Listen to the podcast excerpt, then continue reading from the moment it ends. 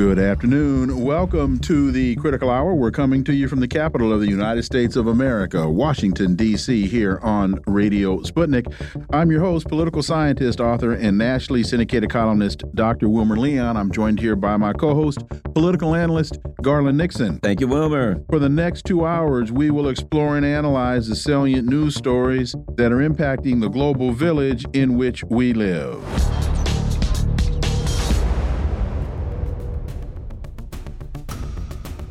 Moon of Alabama has a piece entitled The War is Lost. Zelensky will leave. The White House has failed.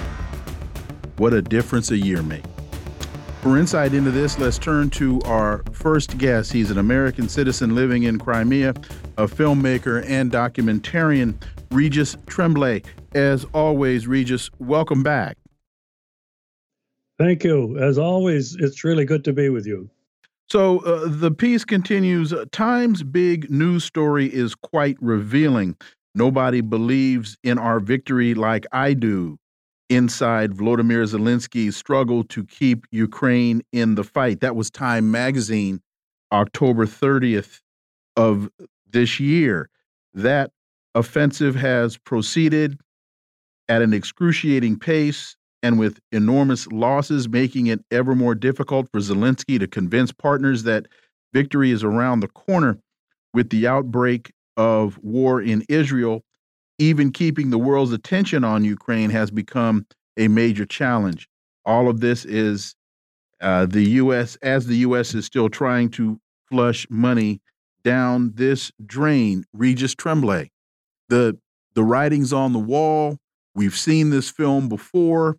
We pretty much know how it's going to end, but still, the U.S. is trying to flush money down this drain. Regis Tremblay.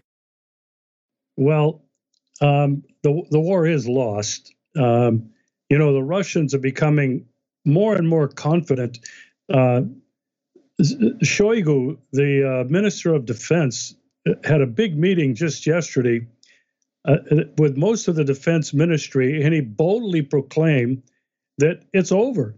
No matter what the United States does to send more F 16s or ballistic missiles, um, it, it's basically over. Uh, President Putin has basically said the same thing. They've lost 90,000 men just since this special operation began. So, is Putin, uh, Putin is Zelensky in trouble? You damn well better believe it. He's in trouble. Um, will he leave? Uh, you know what? People are that I'm in touch with are saying there's only two things are going to happen. Sooner or later, he leaves and flees for one of his mansions somewhere else in the world, or number two, someone will kill him. Uh, I think I think uh, he's in a really bad place. You look at the pictures of him when he came out of the Senate uh, next to McConnell and Schumer.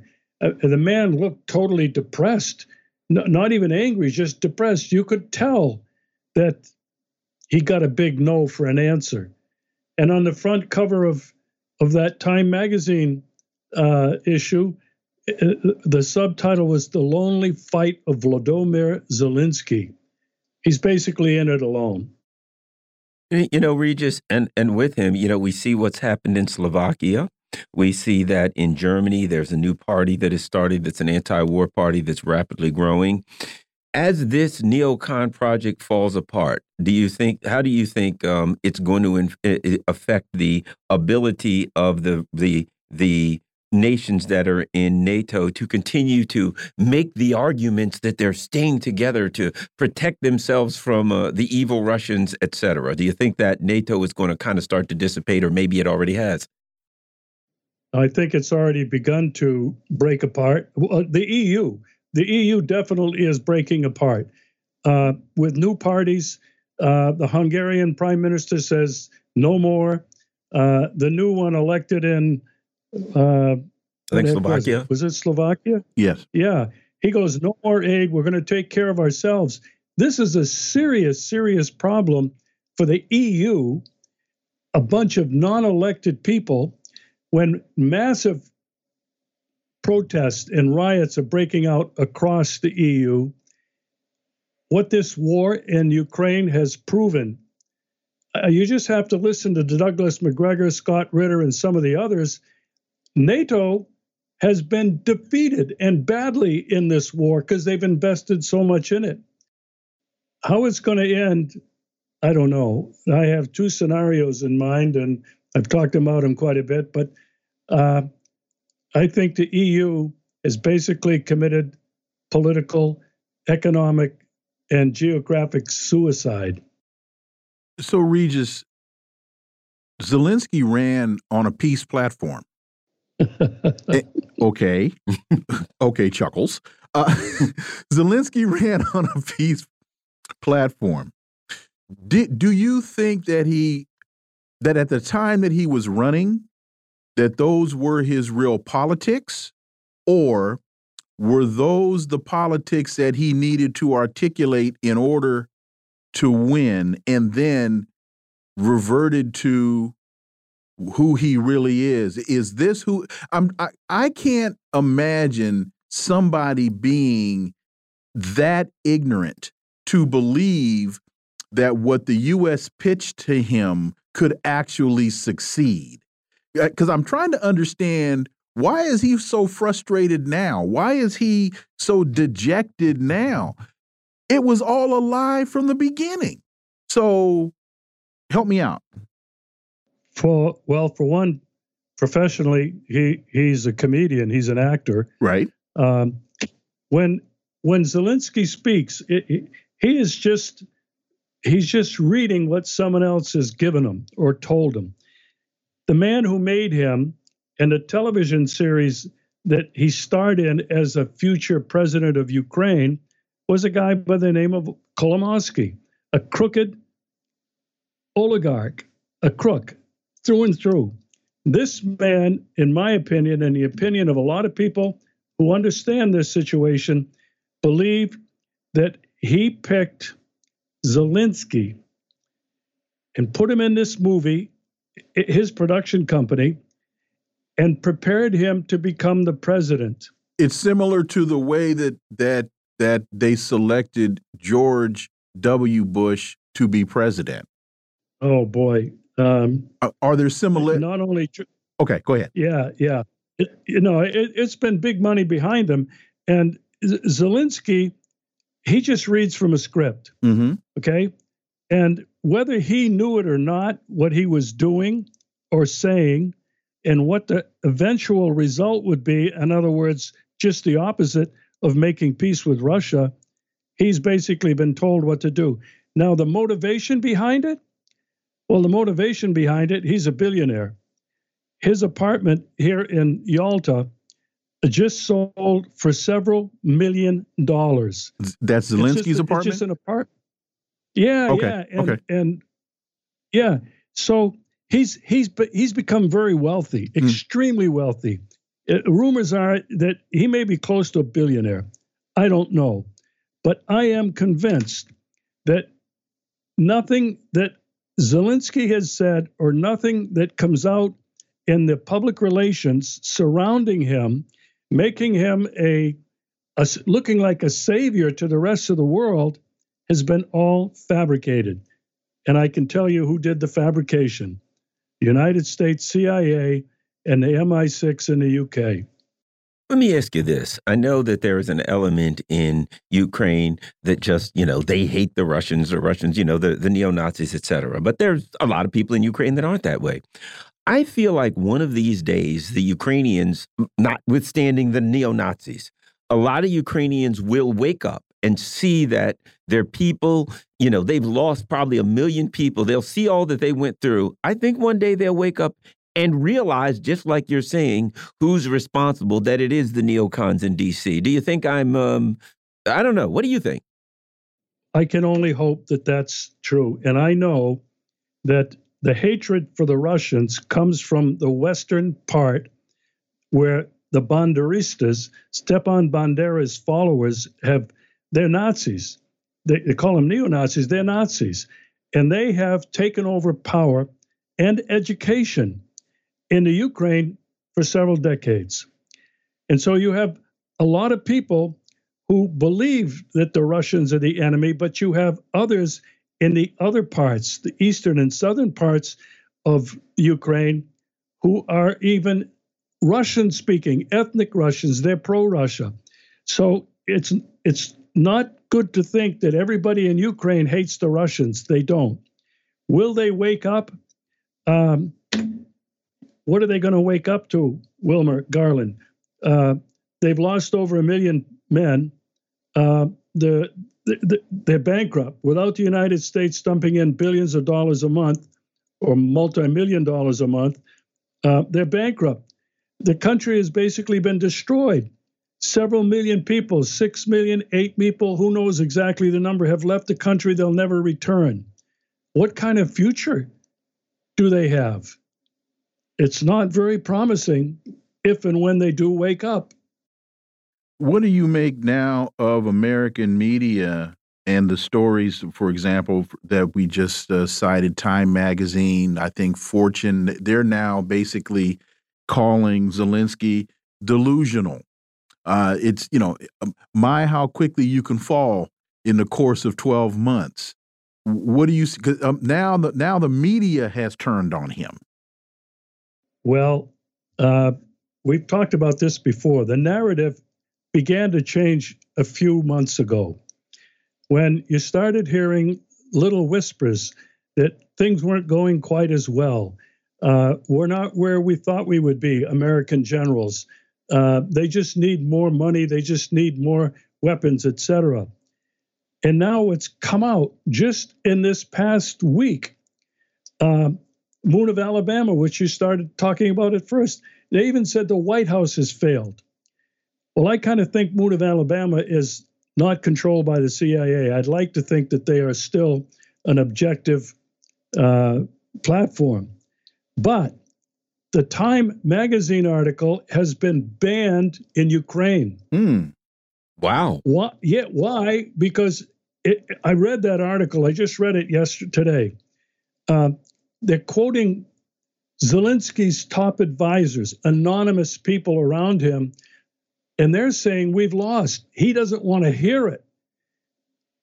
The cover of time, nobody believes in our victory like I do. Nobody. He's talking about his underlings. And, and one of his underlings famously said, it's in the article, he's delusional. Now, what that says to me is a couple of things. One, he's in a whole lot of trouble there's been a palace revolt that's underway. The other thing that it tells me is when a, a magazine like Time comes out with a story like this, with the information that they put out, this tells me that those who are writing the narrative and have the agenda in Ukraine are letting the American people know it didn't go so good and I think they're getting the people ready for another Afghan Vietnam exit. You know, you know what I was going to say. Yeah, you know, nobody else believes but him.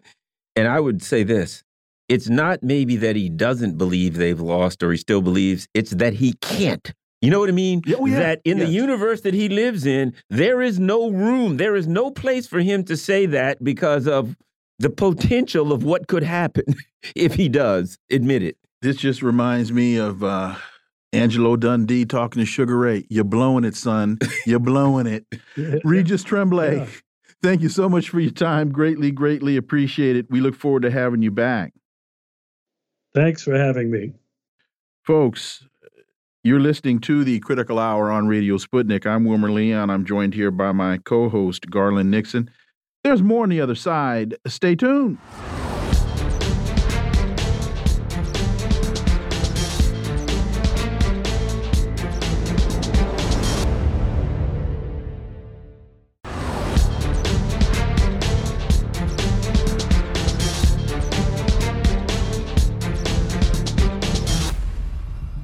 We are back, and you're listening to the Critical Hour on Radio Sputnik. I'm Wilmer Leon, joined here by my co host, Garland Nixon. Thank you, Wilmer.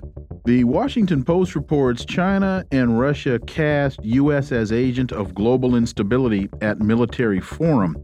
Chinese and Russian military officials this past Monday criticized the U.S. as an agent of global instability, where uh, at, at a Beijing military forum where Russia's defense minister Sergei Shoigu also their language threatened grave consequences over Western involvement in the war in Ukraine.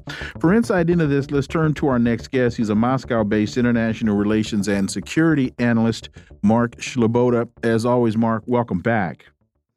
Dr. Leon Garland, thanks for having me. It's always an honor and pleasure to be on the critical hour.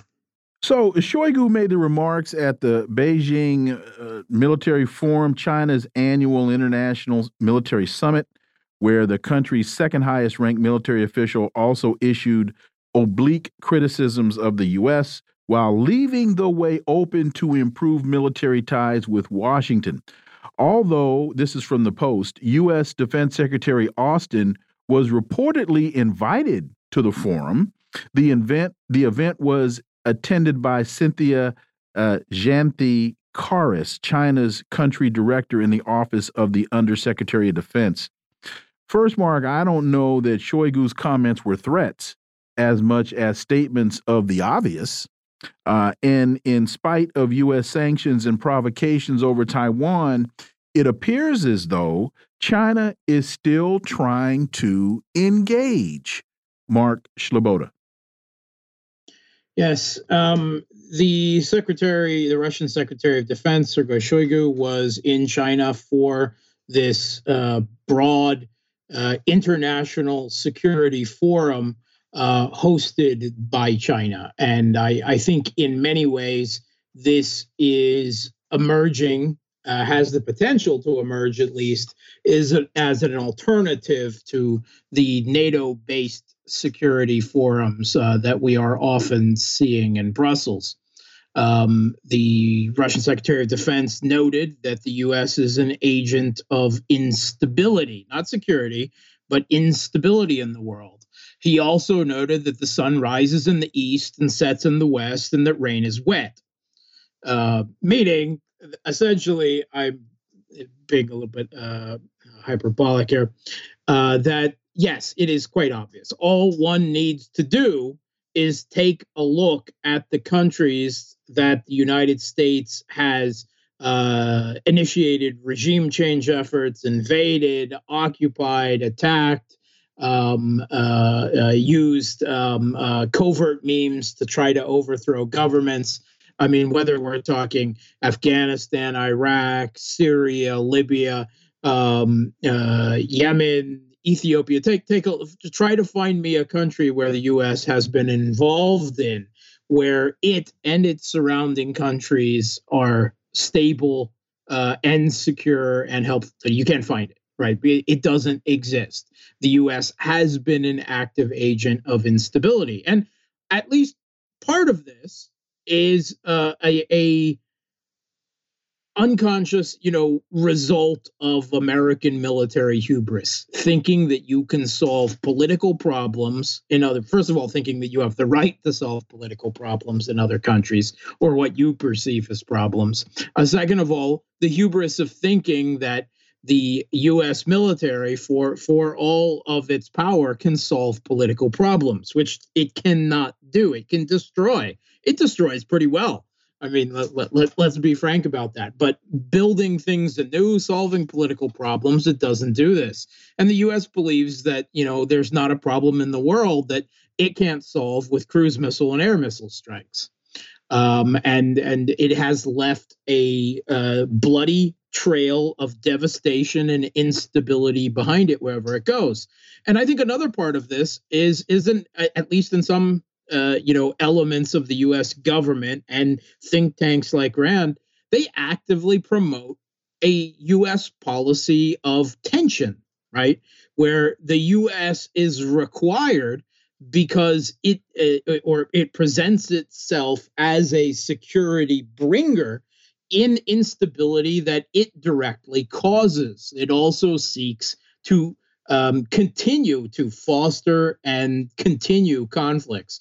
The U.S. was not happy about Iran and Saudi Arabia restoring diplomatic relations and actually start talking to each other uh, rather than the hub and spoke type relationship where the U.S. kept Saudi Arabia and Iran as enemies with itself as as you know the interlocutor between the two of them um, and and maintain that situation as advantageous uh, position for its hegemony uh, in the region in the Middle East, and it, it does this all over the world. So Sergei Shoigu isn't telling uh, you know anything that we don't already know, but of course it is significant that it was said by the Russian uh, Secretary of Defense at this Beijing forum, and the Chinese are quite obviously in full agreement.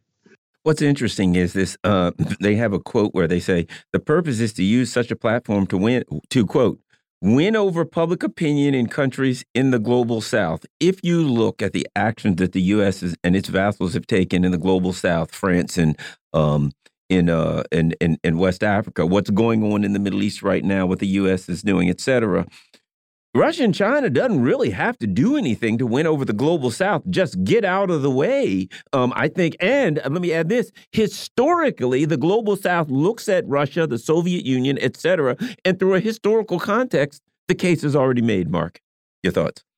Yeah, I absolutely agree. In fact, even the Financial Times uh, did a piece uh, just over a week ago. Henry Foy uh, rush by the West to back Israel erodes developing countries' support for Ukraine, and and he talked about how the the uh, you know full throated rush to support Israel. Uh, you know, no matter what they're doing, uh, no matter you know a- any issues of proportionality or uh, international law, war crimes, you know, cast aside in their full-throated support of Israel, that they've they if there was any question that the U.S. hadn't already lost the global South, you know, take a look at you know how many countries outside of the West participated in the um, uh, uh, U.S.-led Western uh, existential economic war of sanctions on Russia. How many countries in Africa? How many countries in South America? How many countries in Southeast Asia?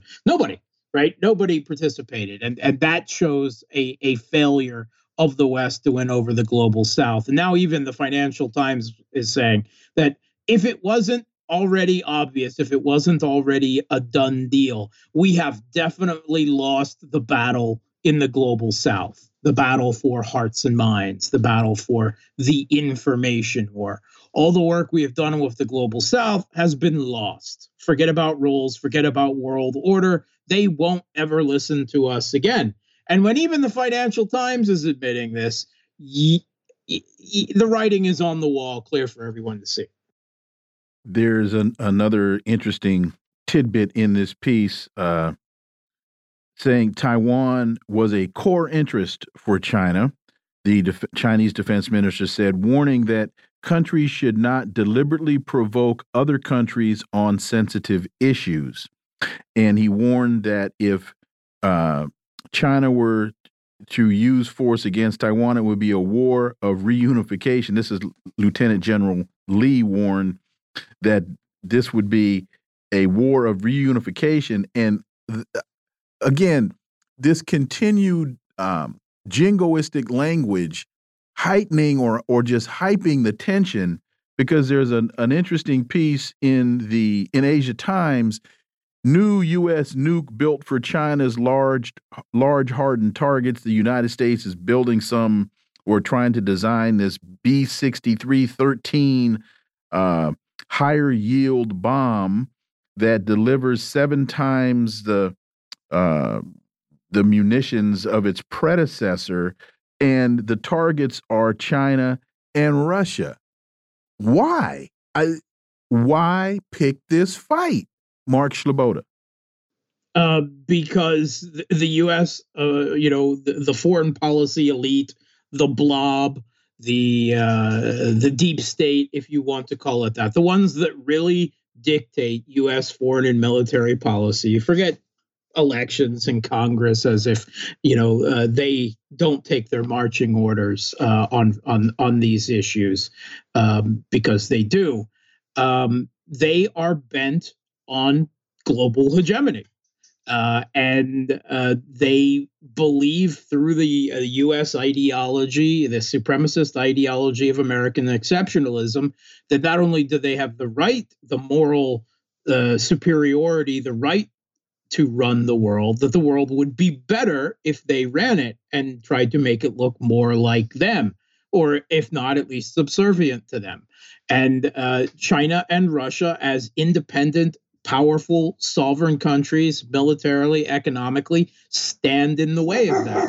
So um, they they fully believe that they need to extend their power into these countries. And when it comes to China specifically they see China as an even greater threat as a as a challenge to replace their hegemony um, and that is the the classic Thucydides trap, uh, uh, as you know, uh, uh talked about by the ancient Greek political philosopher. That when one he- hegemon is fading and another hegemon is rising, or that's the way the U.S. interprets the situation, that conflict is inevitable, and they believe that, and they are preparing for that. We hear this again and again from American generals and top brass and geopolitical thinkers. It's not a question of when or of if, it's a question of when and what exactly do we need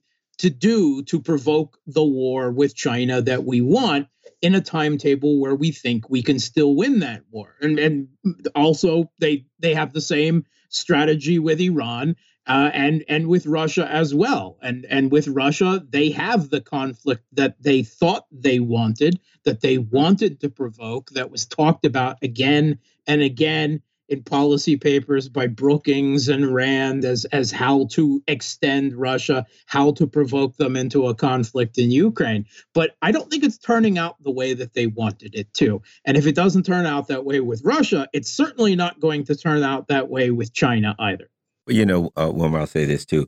When it comes to building these nukes, you know, let's face it, if you got 2,000 nukes versus 2001, it but doesn't make a difference, but it makes a lot of money. Oh, no question. And I am I am convinced that a lot of times these it's like we got to build one more 500 million dollar plane. That'll make the difference. It's for a lot mm -hmm. of mm-hmm. that stuff is they have a ATM going on and that's the way it works. It's a money laundering scheme and it's taxpayers' dollars that are being laundered and squandered. Mark Sleboda, as always, thank you so much for your time. Greatly, greatly appreciate that analysis, and we look forward to having you back. Thanks for having me.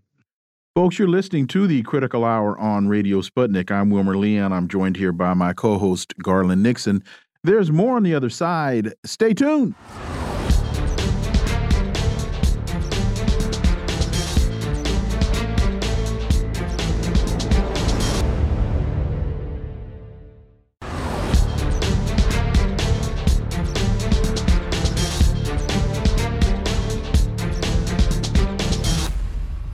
We are back, and you're listening to the Critical Hour on Radio Sputnik. I'm Wilmer Leon, joined here by my co host, Garland Nixon. Thank you, Wilmer. Indian Punchline has a phenomenal piece by M.K. Bhadrakumar entitled U.S. Diplomacy Lost Traction in Middle East, Isolating Iran no longer possible. The U.S. President Joe Biden is convinced that one of the reasons why Hamas launched the attack on Israel was because of the announcement during the G20 summit in New Delhi on the Middle East uh, and on on India in, in, the Middle East Europe economic corridor. Uh, but he also admitted that this reading was based purely on his instinct and he did not have any proof of it. What does this tell us about Biden's understanding of the dynamics surrounding recent events? For insight, let's turn to our next guest. He's a veteran Middle East war correspondent, EJ Magnier. Elijah, as always, welcome back. The piece continues. Uh, uh, Bhadrakumar continues. Biden's motivation in saying so. Biden's motivation in saying so lies in the U.S.'s desperate need to reclaim its leadership role in the Muslim Middle East The two most compelling realities rejecting the American leadership are one, a strong united regional solidarity cutting across sectarian divides to seek a settlement on Palestine like at no time before, and two, the Saudi Iranian rapprochement. Your thoughts, Elijah Magnier? Well, first of all, nothing is happening without including the event and the war in Ukraine, the US war against Russia and Ukraine. That gave the possibility of so many countries, particularly in the Middle East, to free, to liberate themselves a little bit from the US control and hegemony. It doesn't mean that the US has lost the Middle East. It doesn't mean that the US is reclaiming its leadership over the Middle East, but it shows that the Middle East is choosing to have other options and to follow other models, including the one of the US. Now, nothing that would have happened had the Americans been the total and absolute uh, hegemony in the world. Nevertheless, what's happening in uh, Gaza and the Israeli war on Gaza shows the little understanding of the Biden administration of this conflict, turning it as Secretary of State Antony Blinken, when he arrived the first day in Israel, saying, I am not here in my function within the US administration, but as a Jew. Where the conflict in between the Palestinian and the Israelis had never been about the Jews and to uh, eliminate the Jews uh, from the area, but it has been a conflict because the Americans have failed in their diplomacy to impose the Oslo Agreement that both sides, the Israelis and the Americans, have and the Palestinians have signed, signed and agreed on the two-state um, solution, peace solution. Because of the failure of the Americans today, we have the conflict in Gaza. Because of the failure of the Americans and the war in Ukraine, we have the Middle Eastern countries, particularly those who are very close allies to the Americans, turning their back to the Americans, first in OPEC Plus, second in joining the BRICS, uh, third in uh, starting to exchange the selling of oil with China in uh, local currency or with the yuan, and fourth, trying to uh, establish uh, more uh, deeper relationship with the Chinese and the Russian. So all that we understand that Biden administration has totally failed, but it doesn't allow itself to fail in Ukraine and also fail with Israel at the same time.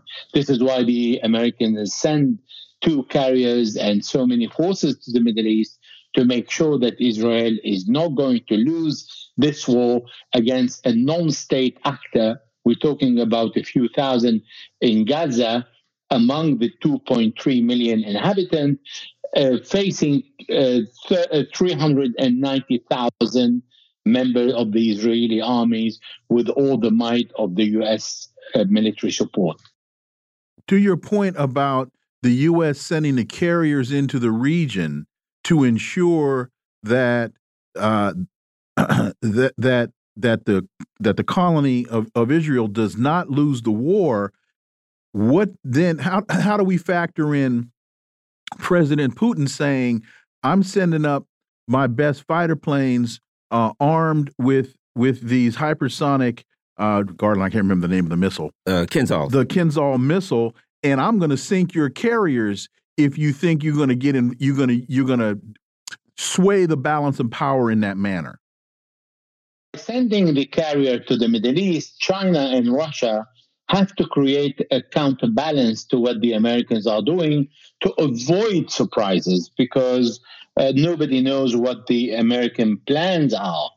Uh, that's one. Two, the Americans are sending the carrier because they are afraid of all the non-state actors like Hezbollah in Lebanon, the Syrian resistance, the Iraqi resistance, the Yemeni resistance that can attack and join the support to Gaza that is left on its own when the Americans and the Europeans express their full support to Israel that has been killing the Palestinians for the last 75 years, where they've killed around 101,000 and killed and injured Palestinians.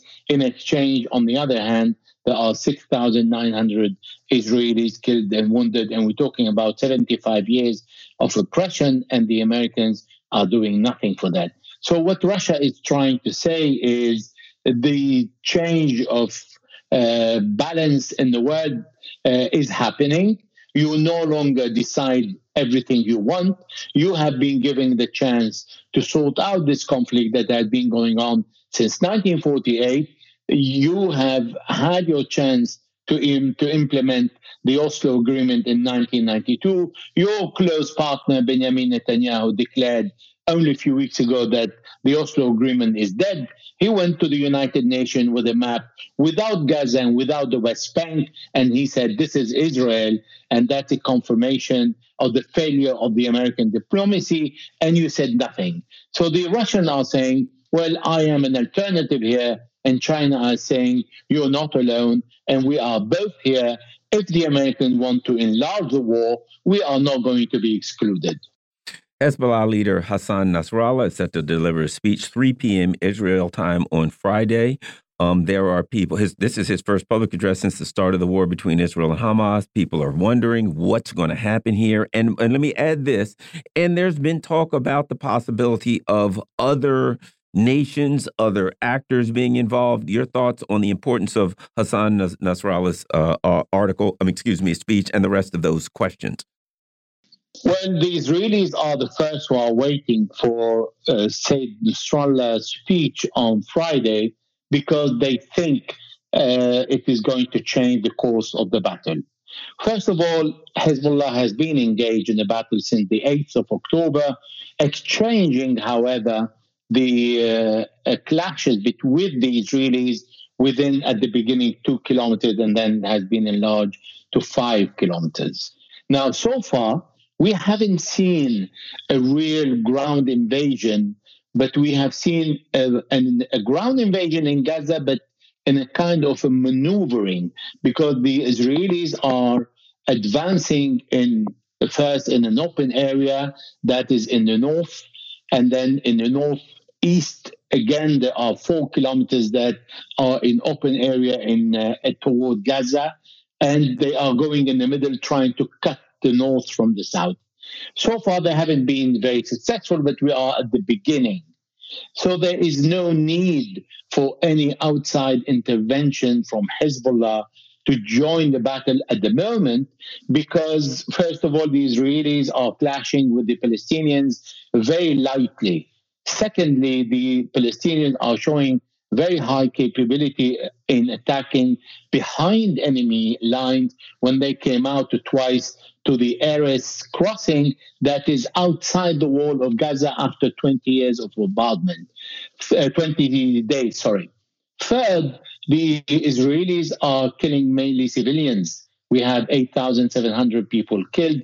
According to the Palestinian, Palestinian ministry, there are around 5,500 children and women. And the United Nations said there are no reason to doubt these figures. Therefore, there are no fighters that have been killed, and the capability of Hamas has not been deteriorated, or there is no damage that has been inflicted on Hamas military capability. Therefore, there is no need to start another front, particularly when the Israelis have evacuated all the Israeli settlers on the borders with Lebanon and Hezbollah evacuated everybody on the border with Lebanon. So what we expect from Said Nasrallah to say that if the Israelis will continue, depending on the course of the battle, if the battle is enlarged, it is going to be enlarged only gradually. So Nasrallah is going to say that we have been involved in this battle because they have lost so far 49 men. And the Israelis said that they have lost between wounded and killed 120, and both are attacking military positions. So it is kind of a clean war between them so far. And no civilian uh, uh, targets have been uh, uh hit, at the, at, the, at the exception of on the Lebanese side, the Israelis killed a, a journalist and uh, a civilian and wounded a few other civilians. So so far it is under the control. This this the uh, northern uh, Israeli front is still under control. Nasrallah is expected to list all the achievement of uh, the Palestinian resistance because the Israeli army is considered by the United Nations as an occupation force. So we can't call it but as an occupation force. This is what Ariel Sharon uh, described the Israeli army in Gaza and the West Bank, and he said, We are an occupation force, therefore, you give the resistance the right to resist, as it is in the United Nations Security Council Charter. For that reason, Nasrallah is going to say that the Palestinians have done very well so far. They have attacked the Israeli army that is showed a, a substantial weakness. They call upon the Americans' support to avoid another front. They are the one intercepting the missiles from the Houthi from Iraq. They are the one who bombing targets in Syria, and they saying we don't want a war. This is not related to Gaza. They send messages to Iran and to Hezbollah saying we don't want to enlarge a war. Please stay out. But the resistance is not listening because the war that is waged on Gaza is disproportionate, and the use of excessive firepower killing so many civilians, destroying at least 200,000 homes so far, is not justified by what Israel is doing uh, until this moment. So it, it going to depend on how the Israeli army is going to behave in Gaza in the next week. This will determine how Hezbollah is going to respond. So everything is on the table, but we do not expect an announcement, a dramatic announcement of Hezbollah saying, as many are guessing, that we are going to start the war against Israel starting from Friday. Elijah Magnier, thank you so much for your time. Greatly, greatly appreciate that analysis. We look forward to having you back. Thank you very much. It's my pleasure. Folks, you're listening to the Critical Hour on Radio Sputnik. I'm Wilmer Leon. I'm joined here by my co host, Garland Nixon. There's more on the other side. Stay tuned.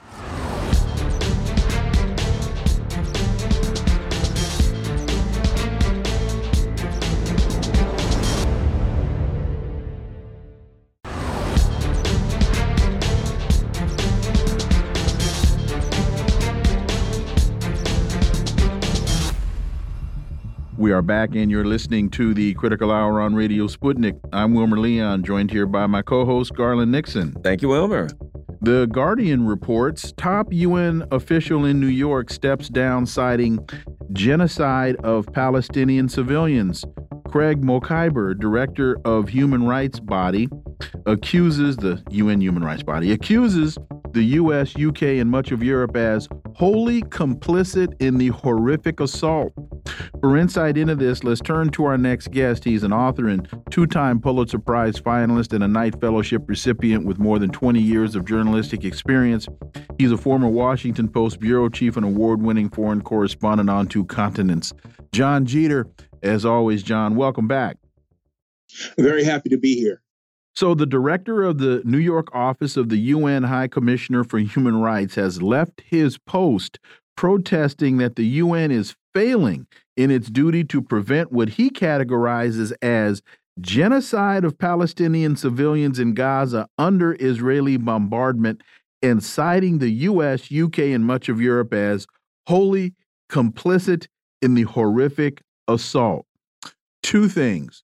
One, this is a 180 degree different analysis of the circumstance than we're, we're getting through mainstream Western narrative.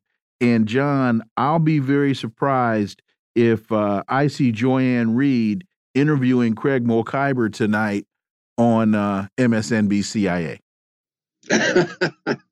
no, I don't. I don't think uh, Mr. Mokhiber is going to give very many invites to the legacy mainstream news media uh, because he speaks the truth. And I think the problem for the United Nations and the, the collective West is that uh, his truth is uh, becoming the norm for more and more people across the world, particularly young people, um, and uh, it's becoming um, it, it's it's it's it's almost inarguable, right? This is by any definition a genocide. Uh, uh, perpetuated by an apartheid state, which is Israel. Its occupation is illegal, not to mention immoral, uh, and it is perpetuating a genocide on the Palestinian people. That seems undeniable. That genocide is no uh, different in a moral sense from what happened uh, in Rwanda uh, in 1994, was it?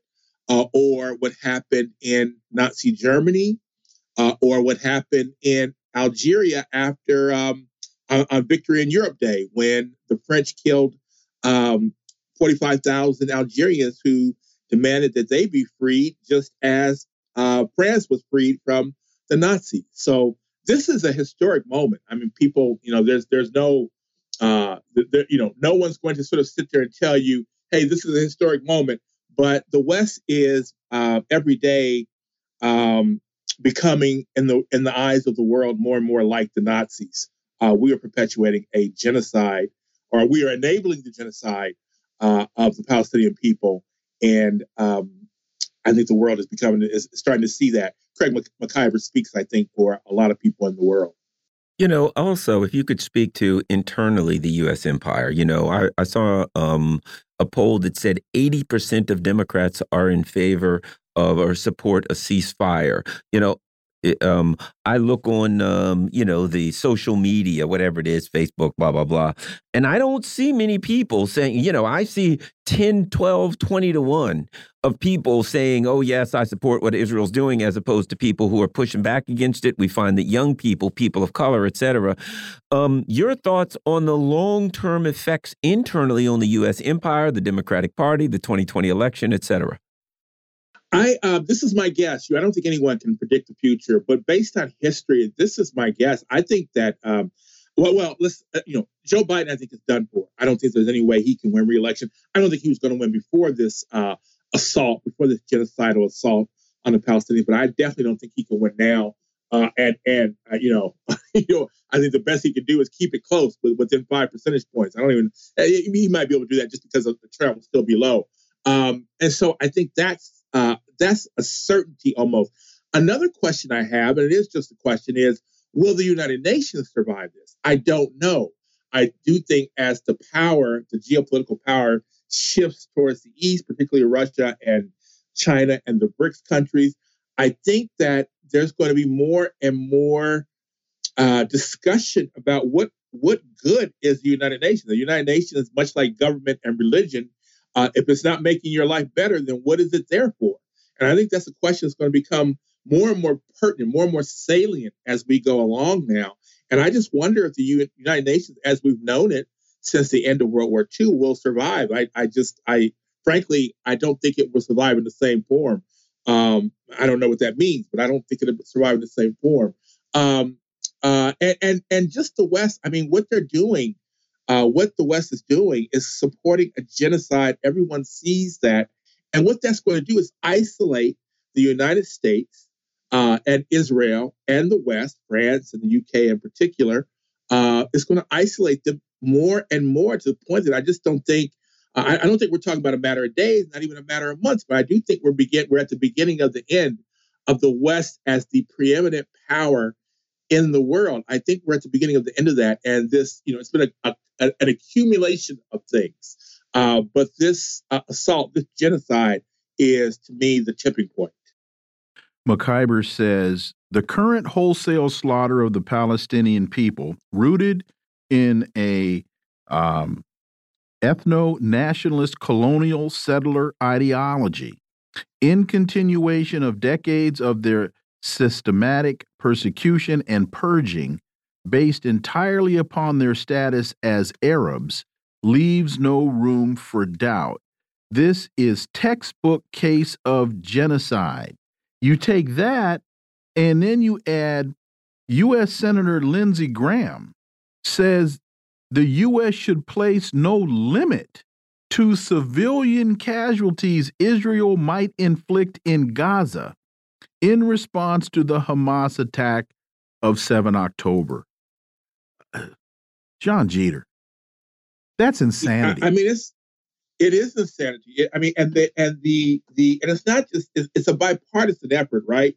Uh, but the Democrats are very much a part of it. It's they're like rabid animals, and I just think the more we draw the comparisons between what the United States is enabling in Israel, the comments, the remarks by people like Lindsey Graham, by Netanyahu, the the the, the brutalization, the the um, dehumanization of the language, right, used by Netanyahu, used by Lindsey Graham, is is virtually identical to what the Nazis used to justify their slaughter of the Jews. And by the way, this constant propaganda that that to criticize Israel for genocide is anti-Semitic, that that that dog won't hunt anymore. Let's just be very clear about that. We're talking about Zionism, right, which has co-opted the Jewish cause and the very real persecution of Jews historically for its own material gain. So, you know, and I think much of the world realizes that if they did before the genocide, they certainly do now. Uh, and so, yeah, mean, we're we really are. I mean, I can't I can't overemphasize this. I can't emphasize this enough. This is a historic moment in world history, very similar to uh, uh, uh, uh the rise of the National Socialist Party in Germany. That's what we're seeing, and I do believe that we're going to emerge uh, with a very different world order. That was already put into process, I think, by a number of events uh, going back, dating back certainly 20 years at least. Uh, but I think this is the tipping point, and uh, and the, and the language really is the language really encapsulates that we're in a very different place where we, we've reverted to uh, this this this the, the, this tribal, hateful, dehumanizing language to to justify a genocide. And I think many people, I don't know how many, but I think millions across the world, if we if we can judge by the number of people who poured into the streets uh, in the last few weeks to protest this genocide, many people are really starting to see that it's becoming very stark to them. This us against them, this human beings versus animals narrative that uh, the Zionists are trying to spread. Let me ask you about this. I've run this question by other people. I'll throw this at you.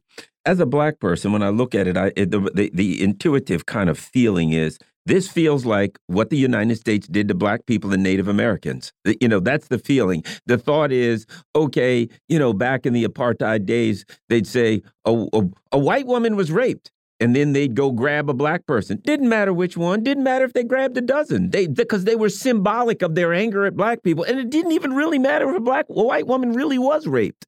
They just go grab a black person or ten and lynch them all. Didn't even matter if they were from another state. They were symbolic of black folks, so these had to die. It seems to me that the Palestinians are symbolic of Hamas. So we got to kill all of the civilians because they symbolize Hamas in the way that the average black person on the street symbolized whoever it was that supposedly raped a white woman. Susan Susan Smith did that in 2019, saying that a black man uh, with a gun kidnapped her sons kidnapped her sons when she had drowned them in a lake. Yep. And uh, it's so, that so, symbolism. So my kill, point is, yeah. kill a member of the group. It's, it's, it's very recent history. It's yep. it's not and, and maybe that's why it feels like the same thing. there you go, uh, John G. So, so let me try to answer this succinctly. So you mentioned Susan Smith, very good analogy. Susan Smith uh, killed her own children. She clearly was uh, uh, had a psychopathic moment, uh, if she's not a psychopath entirely. Um, she uh, told the police that the man who attacked her and her killed her children, ultimately killed her children, was a black man. She drew a composite sketch for them.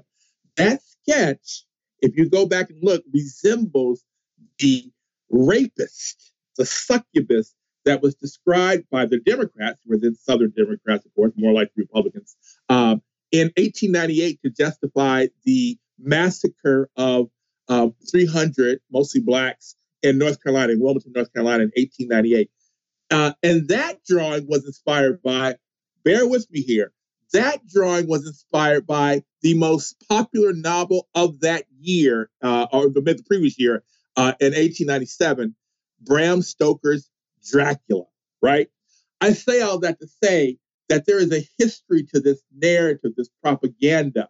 Blacks as rapists and drug users and miscreants, Palestinians as uh, uh, terrorists and, and, and miscreants and less than human there's a history that goes back to it, and it's all related to capitalism, which in the white settler context is racial capitalism. Why? Because you have to divide one race from another to keep the the the, the, the workers from combining to fight their true enemy, which is capital. Right. That's why uh, the, the the Zionists were invited to go to Palestine and not uh, Germany, not anywhere in the United States, not in Canada. Right. They were invited to take somebody else's land, darker skinned people, and the idea is to pit them against them to give the white settler republic a foothold, uh, control over someone's land. This is historic, but it's not. It's, it's a it's a playbook that they resort to again and again, which is why, and I'll end with this, which is why uh, genocide, rape, and slavery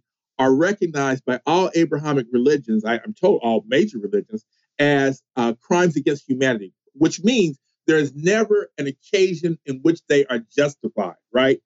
Uh, they are not glitches of uh, white the white settler white settler colonialism. They are features of white settler colonialism. That's why the genocide of the of the of the uh, uh, indigenous people here in North America, Algerians, Algerians, everywhere else. That's why they, these things happen again and again and again. Thank you, Jon Jeter. As always, greatly appreciate it. Look forward to having you back. Folks, thank you, brothers. You're listening to the Critical Hour on Radio Sputnik. I'm Wilmer Leon, joined here by my co host, Garland Nixon. There's another hour on the other side. Stay tuned.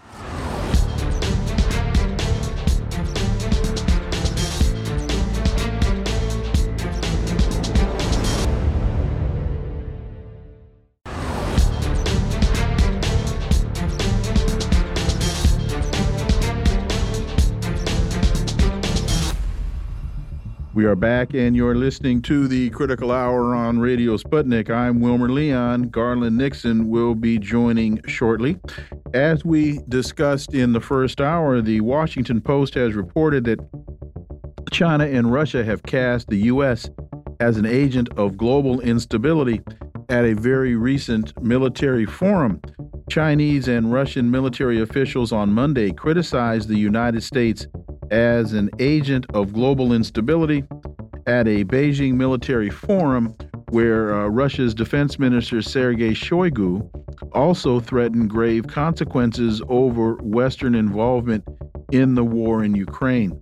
And Garland, um, this I find this this article to be uh, incredibly uh, interesting and and informative. First of all, in terms of the uh, the Washington Post framing Shoigu's comments as threats. Right. Uh, I find Shoigu to just be letting the United States and the West know very clearly that China, that uh, that Russia is not to be trifled with, and that if they continue down this road, it's not going to bode well.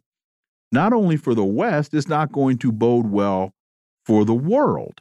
And I mean, you don't. I mean, uh, you know, you want to say to Shoigu, "Thank you, General Obvious," um, and I don't say that in any way to to uh, to, to deride him. I mean, he's he's just state he's not threatening. He's letting folk. You know, it's when when you when you see a child walking towards the stove and you say to the child, "Don't touch that. It's hot." You're not threatening the child you're letting the child know they're getting very, very close to a perilous circumstance. And that's what I see uh, Shoigu doing here. And the other thing that I that is really interesting, and they didn't mention this until damn near the bottom of the article, is that Lloyd Austin, what they believe Lloyd Austin was invited to the forum and chose not to go. And so, what this says to me, or what this demonstrates to me, is that every time the United States has an opportunity to do the right thing, every time the United States has the opportunity to de escalate, every time the United States, as in Joe Biden, could have been a statesman on October 7th in his in his you know response to the United States he could have chosen the avenue of statesmanship and de-escalated the situation in in Gaza he took the other route he took the perilous route well, I think you know one of the things here. If you notice, the the um, the, the neocons always say everyone else is threatening. If we come up to the border of another country, we put military infrastructure all around them, we face missiles at, and they say, hey, don't do that. They say, why are you threatening me? The implication, I think, from the neocons are we own the world.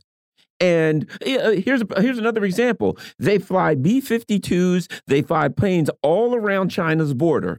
And when China sends a plane up to look at them or does a flyby or something, they say, "Well, we're flying a spy plane on your border. Why would you threaten us?" And it, again, it's the same thing. It's this. And, and, and, go ahead, go ahead. and here's their language.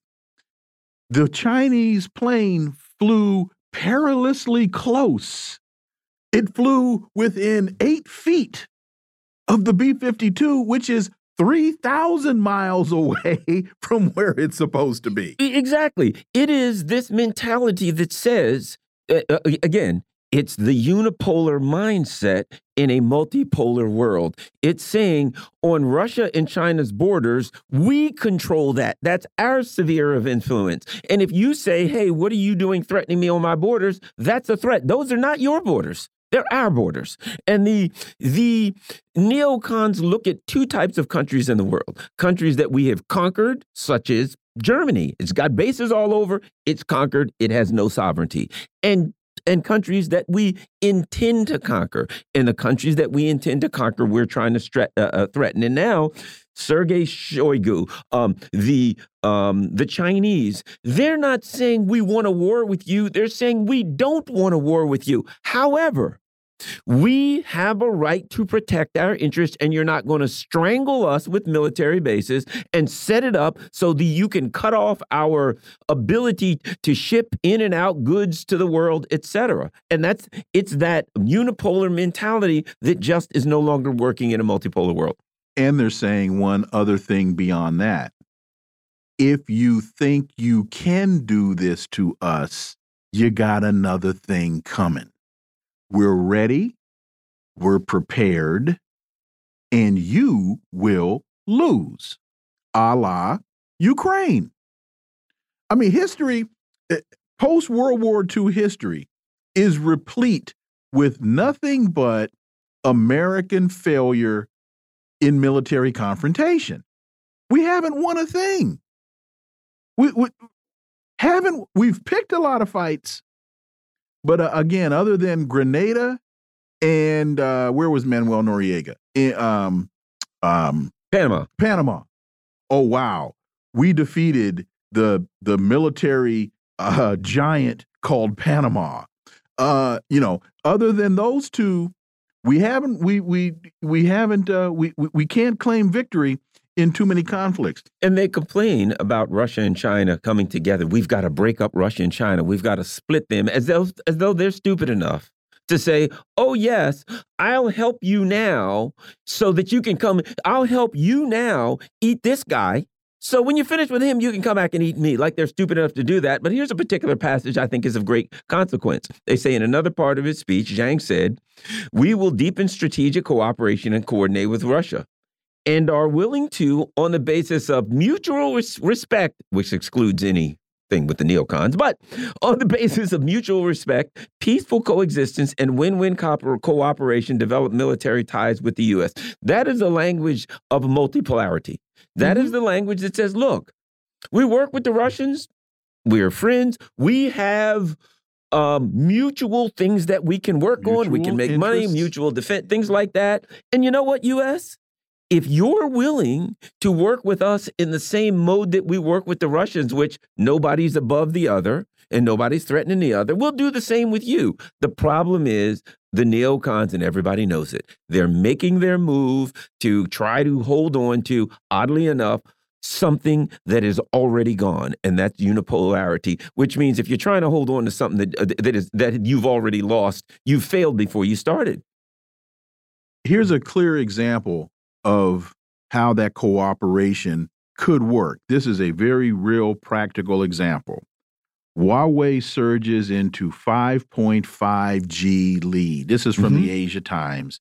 Chinese telecom giant leading the charge into 5.5G, which promises a tenfold improvement over current 5G. I can't imagine how fast that is. And here's the thing that folks in the United States need to understand who have bought into these ads that say, I'm not going to uh, single out any particular carrier, but a lot of folks are walking around with their cell phones now and it says 5G on their phones.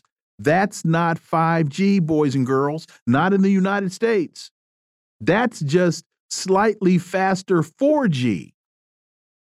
It's not 5G, it's slightly faster 4G.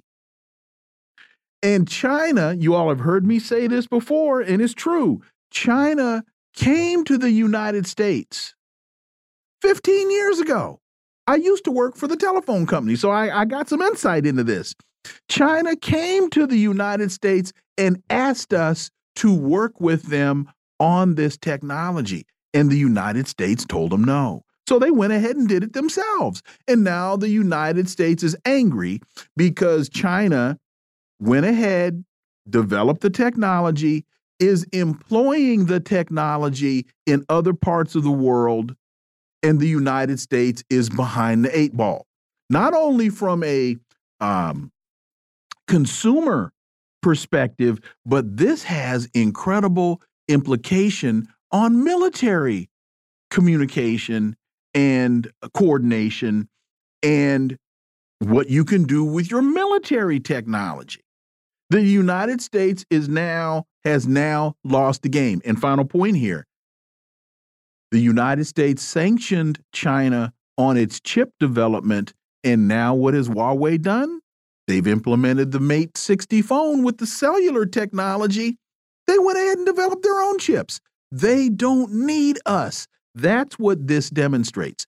We have become obsolete.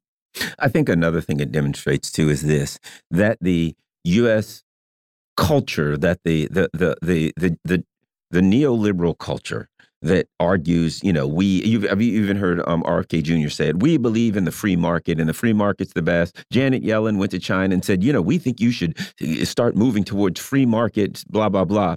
Here's what the truth: they don't believe in the free market. No. Because if they believed in a market, they would say, well, we don't have to do anything to change what China does. We don't have to slow them up. We don't have to try to speed them. The market will handle it. Isn't that what they argue? That they the will everybody will Let do this. The market the, decide. Yeah, that's right. The gods of the invisible gods of the market will choose. The problem is that's supposed to be Adam Smith and yes, so, but if you read the Wealth of Nations, yeah. that's not quite what he says. But mm, that's exactly. what we have been told that Adam Smith said let the market decide. Yeah, the invisible infamous, which is only hand. meant like metaphorically, like, like once. But it, but the, the bottom line is this: but when China is graduating five to ten STEM students for every like one, if we're lucky that we graduate, when China is putting money into um, education and and and take etc., and the United States is just spending money on bombs that so-called market ain't going to work. Actually, you could argue it is working because they're spending their money and investing it in the future. They're investing it in developing technology and developing the minds that can create new technology. And all we're doing is figuring out how to blow stuff up. And sooner or later, that isn't even going to work anymore. We're basically, it's getting to a point where we're going to be basically using a horse and buggy when it comes to technology, and they're are. going to be in a Learjet. We already are as it relates to 5.5, yeah. 10 times faster than 5G. That's that's when see that's when you get into what they what they call IT, the Internet of Things. Right. When your when your refrigerator is talking to your car and your refrigerator is talking to your cell phone and all, all that kind of one more one more quick two stories I want to tie together. Israel told U.S. mass civilian casualties were acceptable price of Gaza campaign. During conversations with Israeli officials, it became clear to Biden administration that Israel, that Israel believed that mass civilian casualties are acceptable price of bombing. And we know what Madeleine Albright said about if you kill 30,000 kids, well, that's kind of the price of doing business. You tie that to Lindsey Graham saying that the U.S. should place no limit on civilian casualties that Israel inflicts on Gaza. This is Lindsey Graham, an American senator, saying that we're committed to keeping that I'm sorry that the US should place no limit on civilian casualties in Israel might inflict on Gaza in response to Hamas attack. That Garland is insane. And it, it, it also, you know, the the U.S. was talking about, oh, we're trying to go to the um, global South and Africa and tell the people do business with us, not with China or Russia. These countries do see a moral component to the countries they deal with. And when they see what the US is doing and they see the world saying, hey, wait a minute, this is wrong. You got to stop doing this. We literally see people at the UN resigning over what they refer to as a, uh, a, genocide. A, a genocide. Now the world looks and they say, well, you know what? If you're if the US leaders are trying to create an environment where they say there's the white hat guys and the bad guys, the, the you know the good guys and the bad guys. The, in that context, the the global South, the people who have the resources, the world is going to look at it and say, "Well, you ain't the good guys. The good guys don't do genocides." Folks, this is what's called collective punishment. It is in violation of international law. It is a war crime. So whenever Lindsey Graham steps out of his front door, walking to his car, people need to be asking him, Senator, why are you promoting genocide?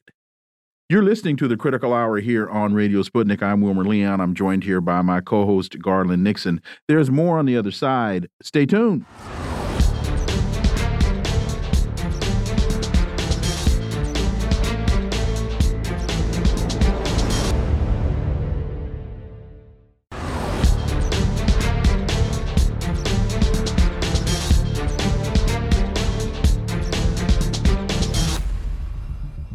We are back, and you're listening to the Critical Hour on Radio Sputnik. I'm Wilmer Leon, joined here by my co host, Garland Nixon. Thank you, Wilmer. Common Dreams has a piece entitled An Isolated U.S. Backs Israeli Atrocities in Gaza. The United States should stop fueling the occupation with an endless supply of weapons and stop diplomatically shielding Israel from international efforts to end the occupation. It's uh, co authored by our next guest. She's a co founder of Global Exchange and Code Pink Women for Peace. She's the co author with Nicolas Davies of War in Ukraine Making Sense of a Senseless Conflict. And as I mentioned, the co author, along with Nick Davies, of this piece as well. Medea Benjamin, as always, Medea, welcome back. Hey, good to be on with you. It's been a while. It's been a while. Uh, saw you on television uh, challenging some members of Congress, and I think they were uh, very, very nicely and kindly just asking you to leave the premises, Medea Benjamin. Well, we did get arrested and charged with um, incommoding. incommoding? What is that? Incommoding a genocide is what um, I call it.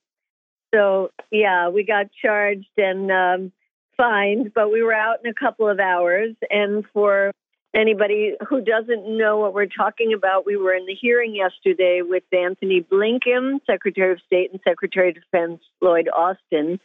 And the the senators who were part of the Appropriations Committee, and we got up one by one, and then a whole group of people got up, and most of us had red paint on our hands to show the blood on their hands. And we said, no, stop giving our money to Israel. And um, we were uh, really addressing ourselves not just to the representatives of the White House, but also to the senators because there is not one senator who has called for a ceasefire. I don't know about you guys, but I find that atrocious given what the UN is calling for, given the vote in the UN that was so overwhelmingly in favor of a ceasefire, given the fact that the majority of Americans in the latest poll want a ceasefire. And of course, given that all the uh, civilians that are being killed every single day, uh, but not one of them so we were anxious to get that message across to them as well. You know, um, you, I don't know if you're familiar with it. We've reported that a um, a high-ranking official with the United Nations has resigned and argued that um, this was a technical uh, you know, definition of a genocide, and we're seeing pushback in the United Nations. Um, here, I think Saturday there's going to be a big um, uh, um, protest in D.C. I saw an article that 80% of Democrats favor a ceasefire and humanitarian aid. Your thoughts on that, Amadea? Craig Mokhiber, the director yep. of human yes. rights uh, from the UN, resigned. Yes, well, a couple of things. I mean, Craig Mokhiber is just fantastic because he knows the international law inside and outside. He knows Palestine and he has uh, deep compassion. So he is a great person who will now be an important spokesperson on these issues. And then in terms of the protest, yes, I think it's going to be massive in Washington, D.C. People meeting at 2 o'clock at Freedom Plaza, and I'm sure we will spill far beyond that plaza. Uh, and there'll be a great march. And then, in terms of the people in Congress, you know, so far by my count, on the House side, there are only 18 members that have signed on to this Cori Bush resolution for a ceasefire. Only 18. There are a couple of individuals who've come out with their own statements, but a handful. And so you have this incredible disconnect between what people are saying 80% of Democrats, and yet you have 95% of Democrats in the Congress who are saying just the opposite. And Medea, the, the question that I, I ask as an African American is where's the Congressional Black Caucus on this? You said 18 have signed on to it. There are 47 members of the CBC. And the reason that I dwell on that is because when the CBC was originally founded, they were called the conscience of the Congress. And now they seem to be unconscious. But let me ask you this. You were arrested yesterday. Could you quickly describe to us what you went through after they put the plastic handcuffs on you? What transpired from where were you taken? How were you treated? People need to understand what happens when someone such as yourself stands up, speaks truth to power, uses their First Amendment right to petition Congress for redress of grievances. What happens?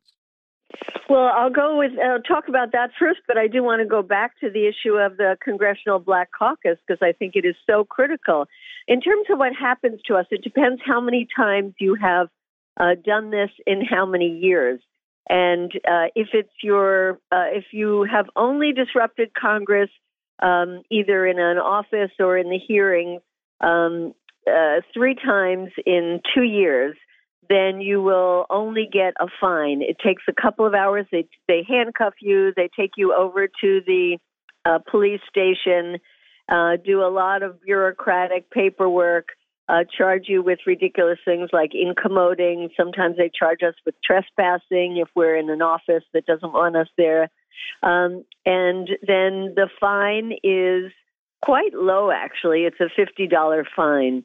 So if you're only doing it three times, uh, the consequences are not that uh, significant.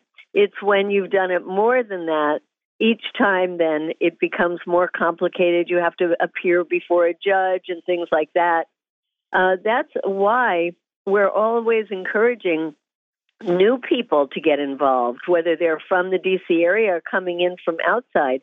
Uh, now uh, we need those people because for them it's only going to be a $50 fine. And um, so that's what happens to us. In terms of going back to the issue of the, the Congressional Black Caucus, uh, as you said, it used to be uh, a progressive caucus. Uh, at one point, uh, uh, John Conyers headed. At one point, it was Barbara Lee who was the head of it. You know, progressives. Mm-hmm. Um, now it's really a, a, a a corporate kind of a um, a caucus. You know, when you go to their uh, Congressional Black Caucus Foundation conferences, mm. you'll get a bag, uh, free uh, um, uh, one of those tote bags that has the um, imprints of corporations like Lockheed Martin or Walmart or you know one of these uh, lots of these big companies on them because they are major donors.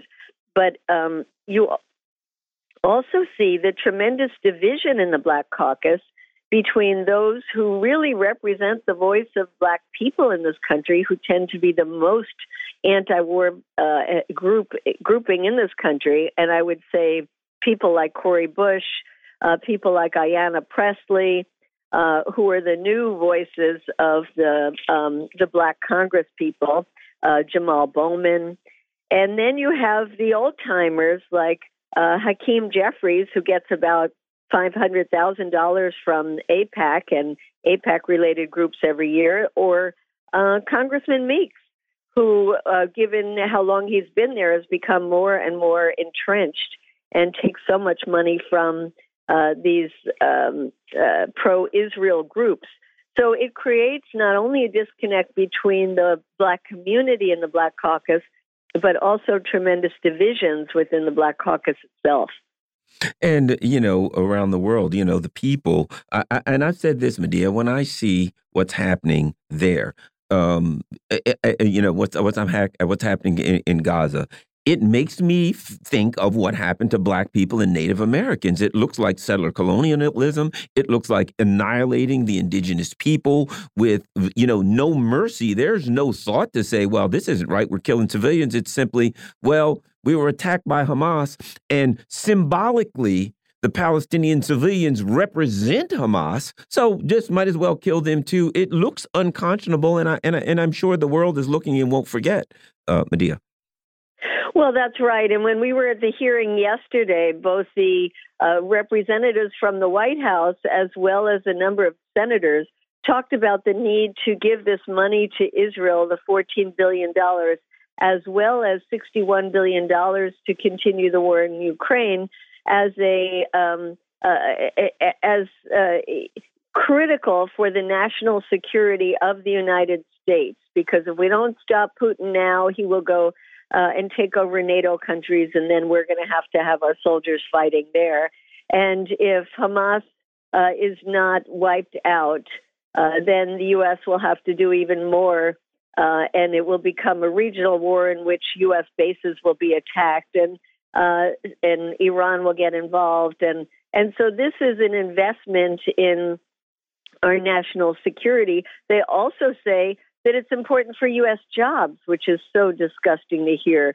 But I think people have to understand uh, that this is a, a directly uh, the opposite of national security. That not only will Israelis be hated around the world, and I would hate to travel with an Israeli passport these days, but Americans will as well, because we are seen globally as the enablers of in, of uh, Israel and people recognize that the blood is indeed on our hands as well.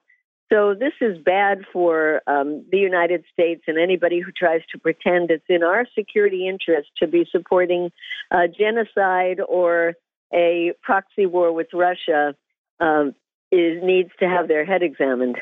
And quickly, your piece, your Common Dreams piece entitled An Isolated U.S. Backs Israeli Atrocities in Gaza.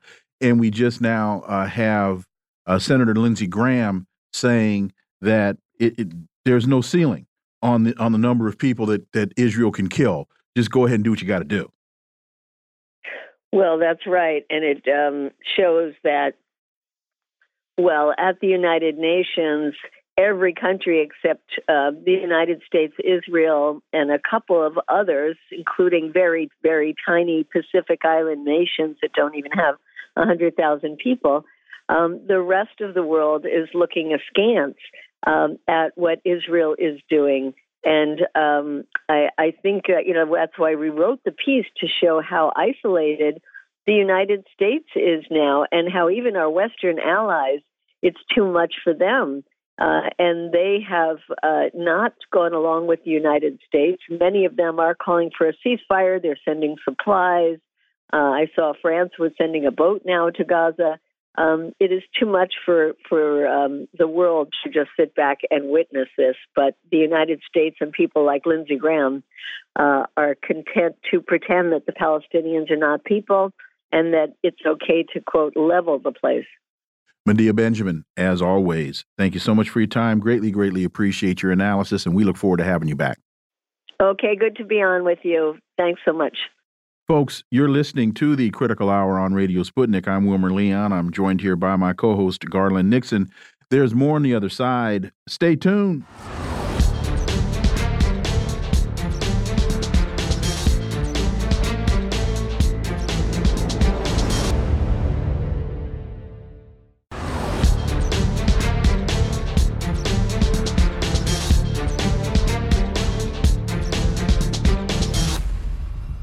We are back, and you're listening to the Critical Hour on Radio Sputnik. I'm Wilmer Leon, joined here by my co host, Garland Nixon. Thank you, Wilmer.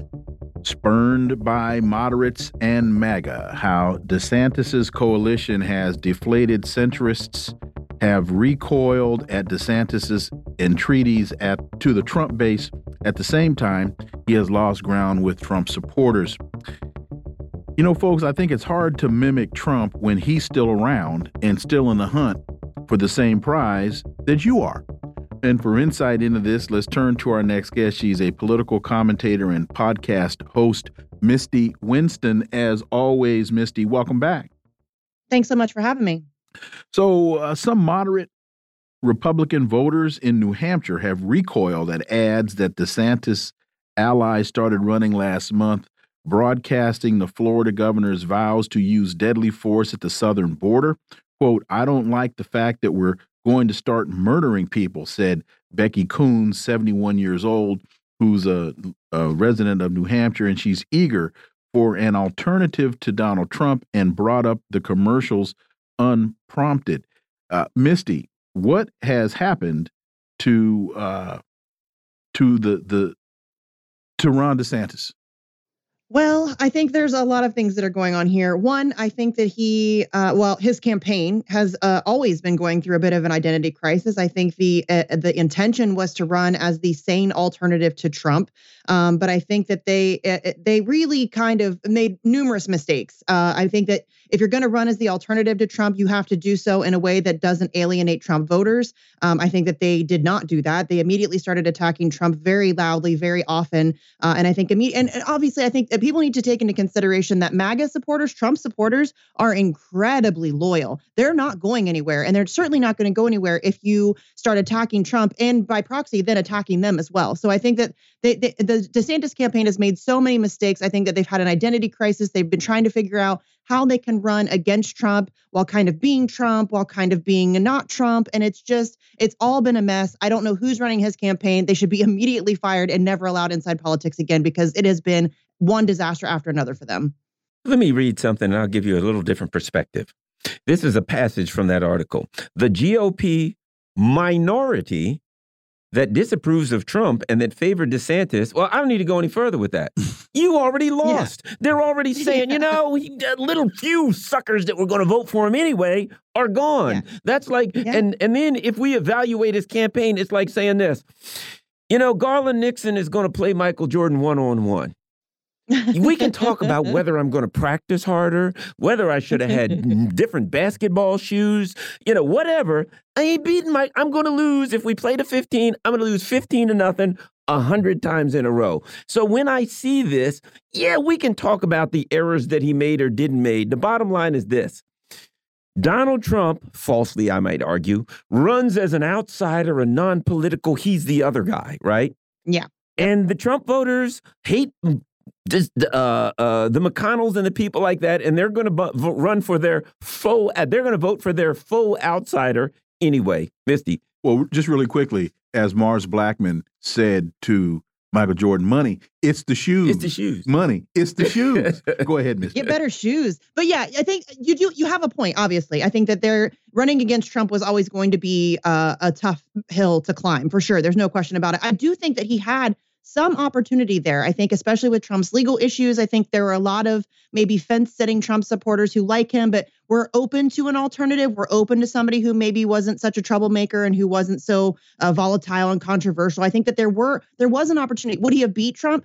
Eh, maybe, probably not. Uh, but I do think he had an opportunity to at least give him a run for his money, to at least put up, a, a you know, somewhat of a fight. But uh, just mistake after mistake after mistake. I think he has gone about this campaign and the way that he has approached uh, his uh, criticisms of Trump and, frankly, everything else. I mean, he was coming off of a really big high. The way that he handled COVID kind of made him a rock star, especially in the state of Florida, uh, in the in the Republican Party in general. I mean, a lot of Trump supporters uh, really liked the way that he handled COVID, and he could have run on that situation alone because I think a lot of Trump supporters were and are still very skeptical of Trump with the whole Operation Warp Speed and the way that he praises the vaccines and all of that stuff. Uh, so there was, I think, genuinely, there was an opportunity there for him to at least put up a fight. He has long since uh, uh lost that ability. There's no way he's ever going to be. I mean, Nikki Haley's polling better than him at this oh, point, God. so he's done. He's done. Well, and and here here's the data from Real Clear Politics. The national polling average: Trump's at 59, DeSantis is at 13, Haley is at 8. In New Hampshire, Trump is at 46, and I don't think he's even on the ballot in New Hampshire. Uh, Haley's at four at 15. I'm rounding up, and DeSantis is at 11. But but Misty, let's now take that and quickly have a brief conversation about Grandpa Joe. Ugh. Trump 44 national poll, national average. Trump's at 45, Biden's at 44. So that's a dead heat. Biden yeah. wins in the in Iowa. Biden is over DeSantis 45 to 44. That's a dead heat. Haley beats Biden 44 in, in New Hampshire, 44 to 43. That's a mm -hmm. dead mm-hmm. heat. As an incumbent president, Joe Biden is in deep, deep kimchi. Yeah, no question about it. And I think he's getting himself even further into. Uh, uh, I'll be, I'll be nice. He's he's really getting himself in over his head at this point. I think now he is now giving full throated support to a literal genocide. Um, uh, you know, there there's so many things that people are angry about. I think the Lahaina situation in Maui, obviously, especially that being uh, the juxtaposition between the you know seven hundred dollars per household compared to the billions we've already given to Ukraine, the billions we intend to send to Israel, uh, the billions that we're uh, planning to send to Taiwan. Hey, why not start another uh, conflict, another war with another nuclear power? What could go wrong? Uh, so I think that he's really, and I think those numbers are going to start. I think if Trump runs, if Trump is able to run, if they don't manage to tie him up in legal stuff to the point where he is incapable of running. There is absolutely no question. If it is a legitimate election, which I mean, we could argue our elections are legitimate, but if it's a legitimate election, I think there's absolutely zero question Donald Trump is going to beat Biden handedly. It's going to be an embarrassment. I agree. And here's the thing that, you know, uh, Wilmer and I have been discussing this. I, I once had heard somebody who was a, uh, a, a fact, a, a well known lobbyist say to me, you know how I think you beat election, uh, win election, Garland? And I said, what? They said you got to do three things. Number one, turn out your base. Number two, yep. turn out your base. Number three, turn out your base. That you have to, to have a chance at winning, you must first turn out your base and then you can steal the independents and do blah, blah, blah. But if you don't turn out your base, you have no chance of winning. 80% of Democrats right now are in favor of a ceasefire, are in favor yeah. of uh, uh, uh, bringing in humanitarian aid. Joe Biden yeah. is alienating his base. I had a relative of mine literally say, I said, Well, what are you going to do on election day? Say to me, I'm gonna stay home and rake leaves. Yeah. But, yes. but before and why you, wouldn't you? Before you turn out your base, you have to because on some of the campaigns that I have have advised on, you have to identify your base. Yeah. Where are you going to get your votes from? Tel Aviv? Well, right? there are some, yes. Apparently. Because they some there have dual citizenship. So oh, yeah, yes, about you, that. Yeah. you can do that. Yeah. Uh, but no, but but you have to identify your base. And I don't see where the Democrats at this stage of the game are a will be able to do that. Let me no. give a quick uh, Misty a, a quick point there is uh Robert Kennedy Jr he knows where his base is. He can identify the demographics of voters that he is going to be able to pull from that'll vote for him. And that is one of the things that is really concerning to Democrats, Misty Winston. Yeah. For sure. And I think also we need to point out again, uh, I know I just said this, but you have to realize that the Trump voter base is unbelievably loyal. And not to mention, the Democrats have done an amazing job of making him look like a martyr, like a hero. Like Mhm. he's really, I mean, as Garland said, he's not an outsider. He's done a fantastic job of portraying himself as one, though. His base really buys into that. And all of this legal stuff that they have had him, that, that they've been going after him with, all that does is uh, further perpetuate that narrative. And all it does is help him. So not only are they incredibly loyal, but they are going to be fired up. They are going to be door knocking. They're going to be making phone calls. They're going to be donating, and they are surely going to show up on election day and they're going to vote. I don't think Democratic voters, even the most loyal of the Democratic voter, none of them are that fired up about Joe Biden. Most of them are looking for an alternative. Most of them are saying that they wish that somebody else would run other than Joe Biden. So yes, Democrats are in a huge world of trouble. Um, and I don't, frankly, I don't think that they uh, know how to deal with it or that they even have time to deal with it at this point. And- And just really quickly, one of the things I think one of the key elements to the success of Donald Trump as it relates to his base is he has been able to construct a narrative of them versus us. Mhm. Yes. And I am the one to protect you against them, whoever them is. I think part of the them with him is this like ruling a murky ruling elite. Oh, you know what I absolutely. mean? Yes. absolutely. I think And- that's and- part of the and and and he says to them very clearly they're coming at you through me Yep. Yeah. and Yeah.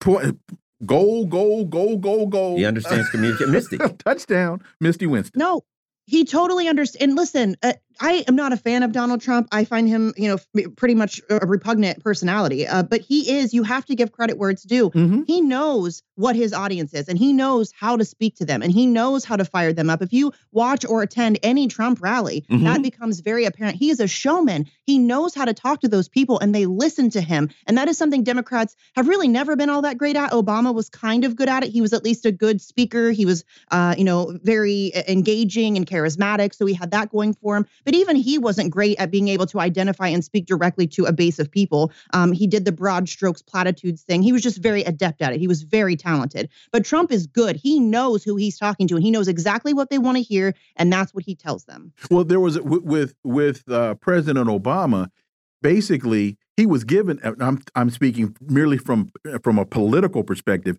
he was given a base african americans Yes. and he focused on hope and change. Yeah. and yes we can. So he found that he found a message and he found a uh, a marketing tool that was resonating with that base as donald trump had. Uh, joe biden all he's hoping on is you're going to stick with me because i've started a war and you can't you can't abandon me in the midst of conflict And uh, the Democrats are now, there's an article that says they're going to make Speaker Johnson a boogeyman. And to me, there Yes. goes the problem. You need Yep. policies. You don't need to say vote for him because he's bad. You need to say vote for us because we're going to do this for you. The problem is they said that at the beginning. Joe Biden said, we're going to do this, this, this, this. And they've come through with nothing. Who'd even believe him this time, Misty? Nothing. They've, in fact, less than nothing. They have been actively working against the things that they said that they were going to accomplish, and that is people are very aware of that. I think that uh, uh, Democrats uh, uh, really think that their their voters are stupid or that they're not paying attention because they do this all the time. They promise the world and they deliver nothing or less than nothing. And I think that they are um, overestimating the ignorance of their voting base because people know people are paying attention. And again, if you just look at something like the fact that Joe Biden hasn't bothered to go to East Palestine, Ohio, Joe Biden only gave seven hundred dollars per household to the people of Lahaina. Uh, you know, Flint, Michigan, there's still no uh, prosecutions uh, or or anything like that going on in Flint, Michigan for the things that were taking place there. They they have done nothing. They've pro- they've promised the world, and really, I can't think of a single thing that Joe Biden has promised that he has actually even attempted to accomplish, let alone accomplish. And so the idea that yes, not only did he get us into the situation in Ukraine with Russia, now we're into another conflict in the Middle East that is very uh, very quickly becoming a regional war, potentially a global catastrophe, and we have Taiwan on the back burner. So we, I mean, what what have you done? He's gotten us into potentially three new conflicts, uh, you know, it, it, that we can't afford. And then he goes on national television television and is asked directly, "Can we really afford to do this?" And he's like, "Oh yeah, we're America. We're America. Well, our people are starving. Our people are homeless. Our people don't have jobs. Our people, our education system's in the toilet. Lahaina's in ashes, and you gave them 700 bucks per household. I mean, that is uh, that's not going to resonate with voters. Voters are hurting. Uh, the economy is garbage. Bidenomics is not selling, homie. It's not good for anybody. Uh, so they are failing uh, in a huge way uh, to really deliver on anything or to even make uh, an appearance of trying, frankly. That is going to be my next T-shirt. Bidenomics isn't selling, homie. No. per, per Misty Winston. Thank you, Misty. As always, greatly appreciate your. You, you, look at me next week. I'm gonna have that shirt on. Uh, All right, good. Misty Winston, greatly it. appreciate it. Look forward to having you back. Thanks, guys. Anytime. Bidenomics isn't selling, homie. Folks, you're listening to the Critical Hour on Radio Sputnik. I'm Wilmer. I like that. I'm Wilmer Leon. I'm joined here by my co-host Garland Nixon. There's more on the other side. Stay tuned.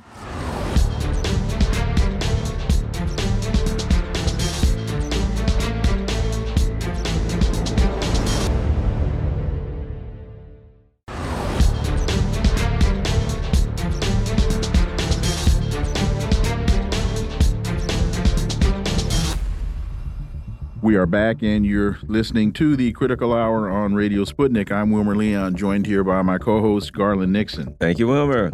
Injured Gazans enter Egypt through Rafah crossing. Jabalia camp struck again. Ambulances carried injured Palestinians from the Gaza Strip into Egypt through the Rafah border crossing earlier today, the first civilian movement out of the besieged enclave since the war began. For insight into this, let's turn to our next guest. He's a journalist, Palestine activist, and author. His latest book is entitled Settler Colonialism in Palestine and Kashmir. Robert Fantina. As always, Robert, welcome back.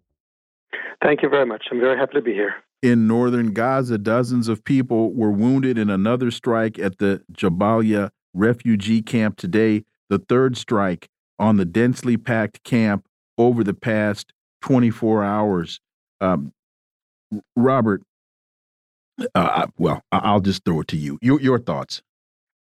This, uh, how can anyone say this isn't genocide? How can anyone say this isn't a war crime? This is a UN refugee camp with hundreds and hundreds of men, women, and children in it, and yet the uh, Israeli army, the IDF, simply bombed it not once but twice, killing I don't know how many people, hundreds of people apparently in the area, uh, and there were these are they're children. They are babies, infants, toddlers, not to mention of all ages. But this is it is it, it's a violation of international law to bomb a United Nations sponsored refugee camp, and this is exactly what Israel does. I don't know how long the world community is going to tolerate this. Uh, the United States is not only supporting it, but it's financing it. Canada, many other countries are endorsing everything that uh, Israel does. These are war crimes. All of these governments and their leaders are complicit in genocide. This is this is horrifying, and yet it just shows to the the extent of the depravity of the Israeli government. You know what? Uh, uh, let me ask you something. This is something that comes to mind, so I'll throw it at you. Uh, throw it out to you.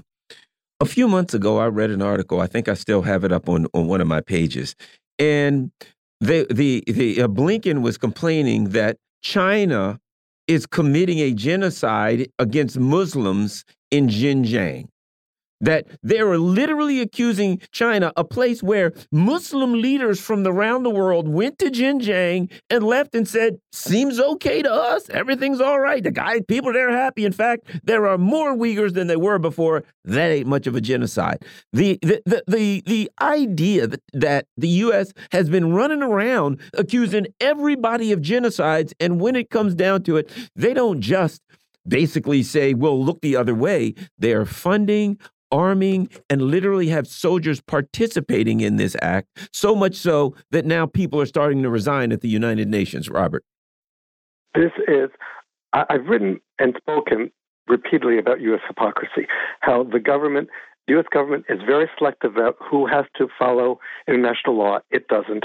Uh, its allies must, its so called enemies, or its allies must not, don't have to. If they want to, it's, it's okay, but it's no big deal. But they're and so-called enemies absolutely must follow international law, and if they violate anything, they they'll be bombed. And this situation you just mentioned, where the U.S. accused uh, China of genocide against Muslim population, and Muslim leaders said that's not happening. We have to remember the U.S. is U.S. government is a mastermind at propaganda. The U.S. government will government officials will say something, and it doesn't have to have any truth to it, such as the idea that uh, on October 7th, right after that, Bush or, Biden came out and said that Hamas soldiers were beheading babies. There's no evidence of it. No one's seen any evidence since. And even when his spokesperson was asked about it, oh, well, that's what Netanyahu told him. No evidence, but he went on national television, international television, and told this lie. And then at a press conference, it was mentioned that no, that wasn't so. But this is propaganda. This is how the uh, the U.S. operates. This is how it gets support among the people for its various wars. And Tony Blinken said he saw the pictures, and he said that the that the they're so horrific that he couldn't show them, and it's they're so horrific that they're indescribable. And then on uh, I want to say Friday, maybe it was Monday. Donny Deutsch was on MSNBC reciting the same lie, and he was so incensed by this story of of the of the atrocities of the that he he was just beside himself with anger and he wasn't even challenged by the host of the program no and this idea that it's too horrific to to see. A lot of pictures are coming out of Palestine and of Gaza that are absolutely horrific. People are adults; they can they can handle it. They can handle horrors. So if there is evidence of that, show the pictures, show the evidence. But this is what this is from the. Oh, wait a minute. I'm sorry to jump in here real quickly, but it's it's interesting, Robert, that that's the very thing that President Putin said. If you have the evidence of these atrocities, Please show the world. The world needs to see it. He said that last week. Mm -hmm. And and they won't because oh it's too horrific to show. Oh, don't protect us. Don't protect our sensitivities. We can handle it. Show us this evidence if you have it. Because if you don't show it to us, I don't believe you have it. And that's that's what this is what Israel does constantly, and the United States does, Israel will say these horrific things that have been done, and we have to avenge the people and all this other stuff. Well, what horrific things have been done? Let's talk about the horrific things Israel's been doing for 75 years, and particularly in Gaza for the last uh, 15 or 16. And right now, things in the West Bank are awful because illegal settlers and the IDF are running rampant over Palestinians there. It's, the situation there is awful, not as bad as in in Gaza because they're not being bombed, but they're being arrested and shot and killed. But this is the the United States government opposes genocide if it's being committed by one of its enemies. If it's being committed by one of its allies, which it is right now as we speak, then they will, as you mentioned, not only support it, they'll finance it, they'll give it cover in uh, in diplomatic circles in the, in the United Nations. It's it's horrifying to imagine that we are living through a genocide that our countries, the United States and Canada, because I live in Canada now, that these two countries are supporting genocide. Uh, uh, well, I'll say this the United States makes up genocide against its adversaries where it doesn't exist and then condemns something that doesn't exist. As Lindsey Graham just is reported to have said, there's no ceiling on the number of people Israel can kill. The Washington Post reports Bolivia cuts diplomatic ties with Israel over attacks in Gaza. Robert, I think you'll see more and more of that. And what's interesting about Bolivia is the U.S. literally overthrew the government of Bolivia in 2019. Uh, Bolivia in 2019. They took their country back. They imprisoned the coup mongers involved. So you know uh, uh, they did a great thing. But what are your thoughts about what Bolivia is doing and the fact that that's likely to spread? Well, I think it's very good. It, it sends a statement to the world certainly to Israel, but Israel doesn't care. But other countries in the world see that yeah, this this is doable. I believe Chile and Colombia have recalled their ambassadors. Uh, I think we may see those and possibly other countries severing ties with, with Israel. I think also the so called Abraham Accords may soon unravel because while the governments of those countries get some benefit, financial benefits uh, from those accords, the people in those countries have always opposed them. And now with this genocide happening, there are uh, huge, huge uh, anti-Israeli rallies. The, these governments, at some point, dictatorships so they might be, monarchies they might be, for lack of a to put it tactfully, at some point they're going to have to recognize that their people are making demands that they cannot ignore. You know, looking at this issue of Bolivia cutting diplomatic ties, one of the things that Garland and I were talking about last week was the economic impact that that this war is going to have on the economy of the settler colony called Israel. One of their um, revenue generators is tourism. And there aren't a lot of tourists, I think, that are trying to make their way there now. Uh, and, and, and, and then a, a number of other factors that, as if, let me say, not as, if Israel can continues to become a pariah, then this is going to have a devastating impact on their economy. And Netanyahu is already in trouble. And I think this will only exacerbate his circumstance. We got about a minute, about a minute, minute and a half. Yes, I agree because he was in trouble anyway with his. There was great opposition to his proposed judicial overhaul. He is under indictment. Uh, he has collected or assembled the most racist, racist government uh, on the planet today, uh, and that's other governments around the world are very cautious about that, although they're they're not doing anything constructive about it at this point. But Netanyahu is skating on very thin ice. Plus, uh, the people of Israel see a tremendous uh, intelligence failure in what happened on October 7th. So, uh, yeah, this is not going. This whole war is not going to benefit Israel uh, in on the in the court of public opinion. Robert Fantina, as always, thank you so much for your time. Greatly, greatly appreciate that analysis, and we look forward to having you back. Thank you very much. My pleasure as always. You know, Garland, we've got just about 30 seconds left. That that Lindsey Graham statement, uh, to me, I, I just can't let that go. He's always the one saying we should assassinate Putin, we should nuke Attack somebody, Mexico. we should, yeah, whatever, a bomb Mexico. He's always the person out front trying to say, I'm the toughest, most macho guy. It's almost like he's trying to make up for something. Just We- throwing that out there. No, well, there you go. Uh, folks, you've been listening to the Critical Hour here on Radio Sputnik. Thank you for allowing our voices into your space. On behalf of myself and my co host, Garland Nixon, we hope you were informed and enlightened, and we look forward to talking with you all right here tomorrow on Radio Sputnik. Be safe. Peace and blessings. We're out.